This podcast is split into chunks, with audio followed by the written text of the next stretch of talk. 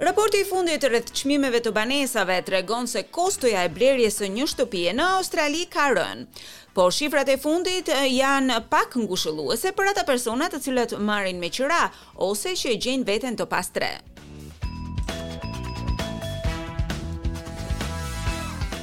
Portali dixhital i pronave të Domain ka publikuar raportin e tij të fundit rreth çmimeve të shtëpive në Australi.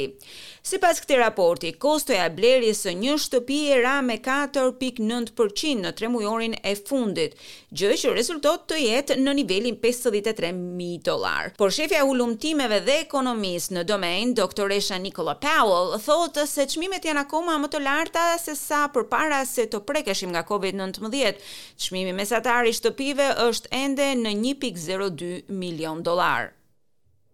Prices are falling and they have fallen rapidly over the September quarter. They remain significantly higher than what they were. Çmimet kanë rënë dhe kanë rënë me shpejtësi gjatë tremujorit të shtatorit.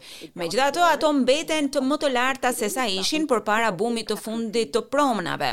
Ai ka ndryshuar në varësi të kryeqytetit. Megjithatë, të gjitha kryeqytetet në Australi kanë kaluar në nivelin që ishin përpara pandemisë, diku nga shtatëmbëdhjetë deri në dyzet e shtatë për qind.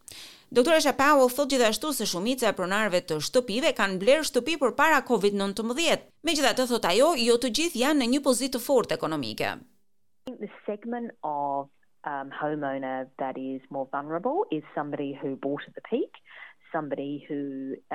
Mendoj se segmenti i pronarëve të shtëpive që është tani më i prekshëm, Është ai segment ku personat kanë blerë në kulmin e çmimeve.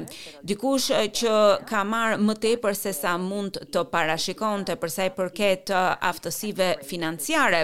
Janë pronarë shtëpish tani që nuk janë në gjendje të paguajnë kredinë, e që janë të detyruar të shesin.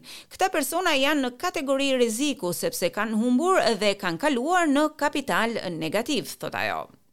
E ndërkohë doktoresha Powell thotë se nuk është gjë e keqe, të paktën për ata persona të cilët shesin shtëpinë, sepse nëse kanë dëshirë të blejnë diçka tjetër, atëherë diferenca nuk do të jetë shumë e madhe.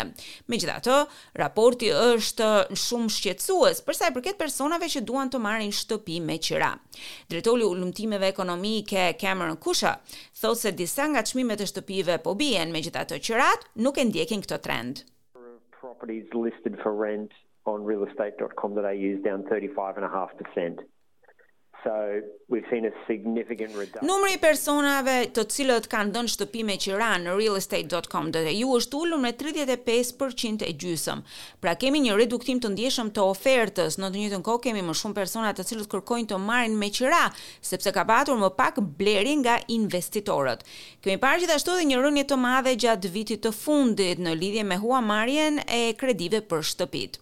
Në terma praktike, kjo do të thotë se ka më shumë persona të cilët janë kapur në mes, pra ata ose paguajnë më shumë se sa duhet ose nuk janë në gjendje që të shesin shtëpinë me çmimin me të cilin e kishin blerë më parë. Por gjithashtu ka edhe persona të cilët të largohen nga dhunja në familje, këta persona janë në pozitë shumë të vështirë. Tracy thotë se është larguar nga një marrëdhënie ku partneri i saj ishte abuziv për pesë vite me radhë dhe ka kaluar një periudhë duke fjetur në makinë me fëmijët e saj, përpara se të gjente një vend për të jetuar. I was working, but I couldn't afford private rental on my own. Unë punoja, megjithatë nuk isha në gjendje të përballoja qiranë.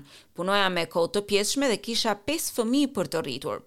Buxheti i ri i qeverisë federale përfshin 30.000 banesa të reja sociale, si pjesë e një fondi të strehimit australian prej dhjetë miliardë dollarësh.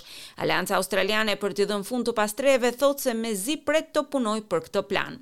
Drejtori i saj David Pearson thotë se eliminimi i të pastrehëve duhet të jetë qëllimi kryesor i qeverisë. To ending you gotta think about what it takes to do that and that we've gotta think about what it takes to end for the most chronically experiencing homelessness. Duhet të angazhohemi, duhet të mendojmë se çfarë duhet të bëjmë për ta zgjidhur këtë problem. Duhet t'i japim fund të pastrehëve që ata të jetojnë në mënyrë më të shëndetshme. Kjo do të thotë se duhet të përqendrohemi edhe tek njerëzit indigjenë, të cilët përfaqësohen në mënyrë disproporcionale në popullatën e të pastrehëve. Ky duhet të jetë standardi në Australi. Të gjithë të pastrehët duhet të kenë mundësi strehimi, qoftë për periudha të shkurtra apo edhe për periudha të gjata, thotë ai.